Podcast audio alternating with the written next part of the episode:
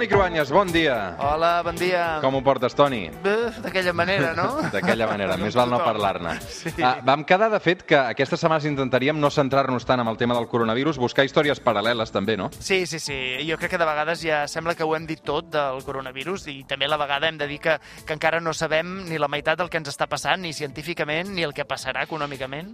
Doncs avui eh, parlarem d'una història paral·lela a aquesta crisi de la pandèmia. Toni, va. Sí, aquesta sacsejada emocional i política que ha significat el coronavirus, de fet ha ressuscitat una història de la Guerra Freda, que molts havien oblidat. Doncs avui parlarem de la Guerra Freda sense passar, atenció, ni per Washington ni per Moscou. Una pista, aquesta. de mi tierra bella, de mi tierra santa. L'has ballat aquesta o no? Home, mm, sí.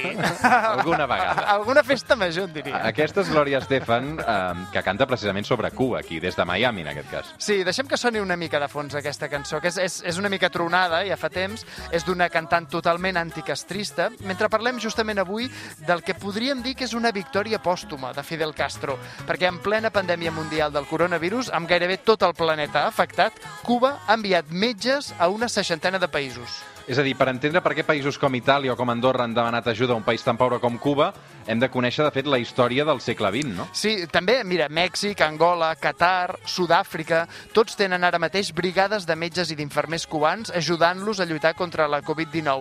I si molts països no ho han sol·licitat, aquesta ajuda de Cuba, és per no incomodar els seus arxienemics, els Estats Units. Cuba té 13 facultats de medicina que graduen cada any milers de metges, molts més dels que necessitem. Sí, de fet, Cuba té la taxa de metges per habitant més gran del món, 11,8 metges per cada 1.000 cubans, és a dir, tres vegades més que Espanya.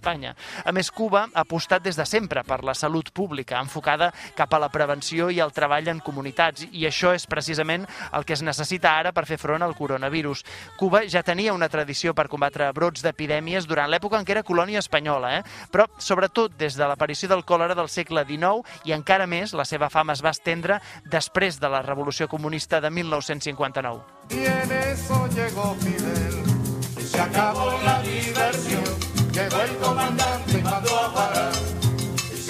Fidel Castro va fer la revolució i, a diferència d'altres a l'Amèrica Llatina, el seu règim alineat amb el comunisme de l'antiga Unió Soviètica ha durat, de fet, fins a dia d'avui, eh? Sí, sí, l'èxit es, si, si l'èxit el mesurem, per exemple, en permanència en el poder, Fidel Castro ha batut gairebé tots els rècords. Tots els rècords va controlar el poder durant 49 anys, però a més, a banda de com puguem valorar l'impacte a la seva gent, els cubans, aquí ja ho sabem, hi ha opinions per tots els gustos, però realment Castro va convertir Cuba en un laboratori del que podria haver estat un règim comunista amb tots els ets i uts, des de la nacionalització dels mitjans de producció, les empreses, fins a la pràctica desaparició del concepte de propietat privada. La de comunisme contra el capitalisme va ser la gran guerra ideològica del segle XX. Cuba la va resistir i ha seguit resistint 30 anys després de la desaparició de la URSS. Sí, Fidel Castro va poder adaptar-se a nous aliats i a un nou relat, però la idea de l'exèrcit de les bates blanques per distribuir salut als llocs on el capitalisme hi enviava militars va tenir molt èxit des dels principis. De fet, metges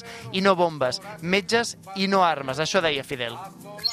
Nuestro país no lanza bombas contra otros pueblos, ni manda miles de aviones a bombardear ciudades. Las decenas de miles de científicos con que cuenta nuestro país y sus médicos han sido educados en la idea de salvar vidas.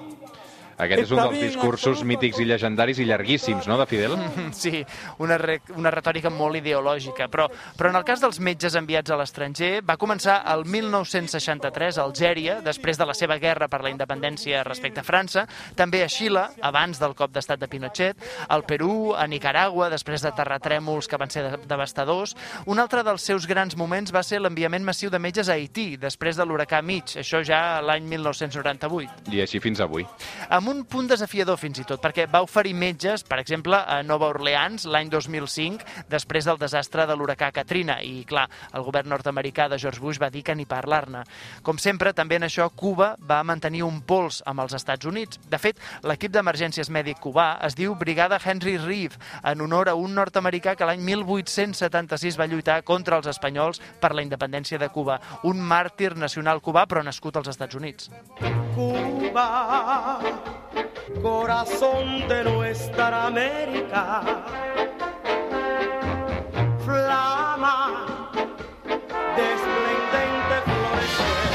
de fet, Cuba, Toni, va sobreviure a la caiguda del comunisme a la resta del món amb noves aliances, no? com Venezuela, com Bolívia, com l'Equador, amb els anys també amb d'Hugo Chávez, d'Evo Morales o de Rafael Correa. Sí, enviava metges a canvi de petroli en Venezuela i també a canvi de suport polític ja en casos com Bolívia o Equador.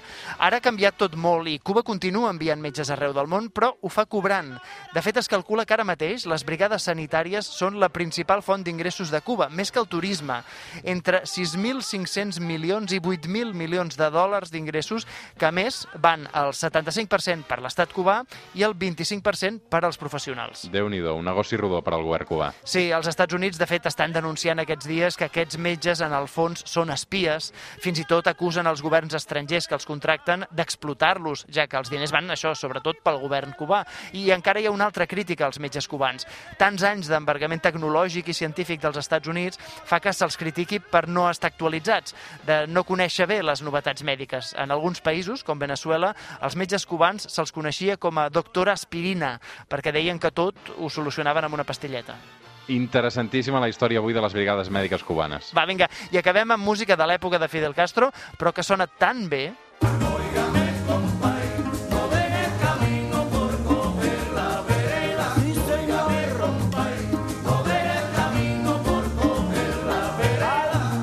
Això és Buena Vista Social Club amb Company Segundo i crec que Ibrahim Ferrer també a la veu. Des de Cuba van comparir el món de la música, eh, també als Estats Units. Eh, Buena Vista Social Club, jo encara, crec que encara fan eh, gira, amb Omar Portuondo, que encara és viva i continua cantant, eh? No, home, són fantàstics, no? A més, donen un bon rotllo, no?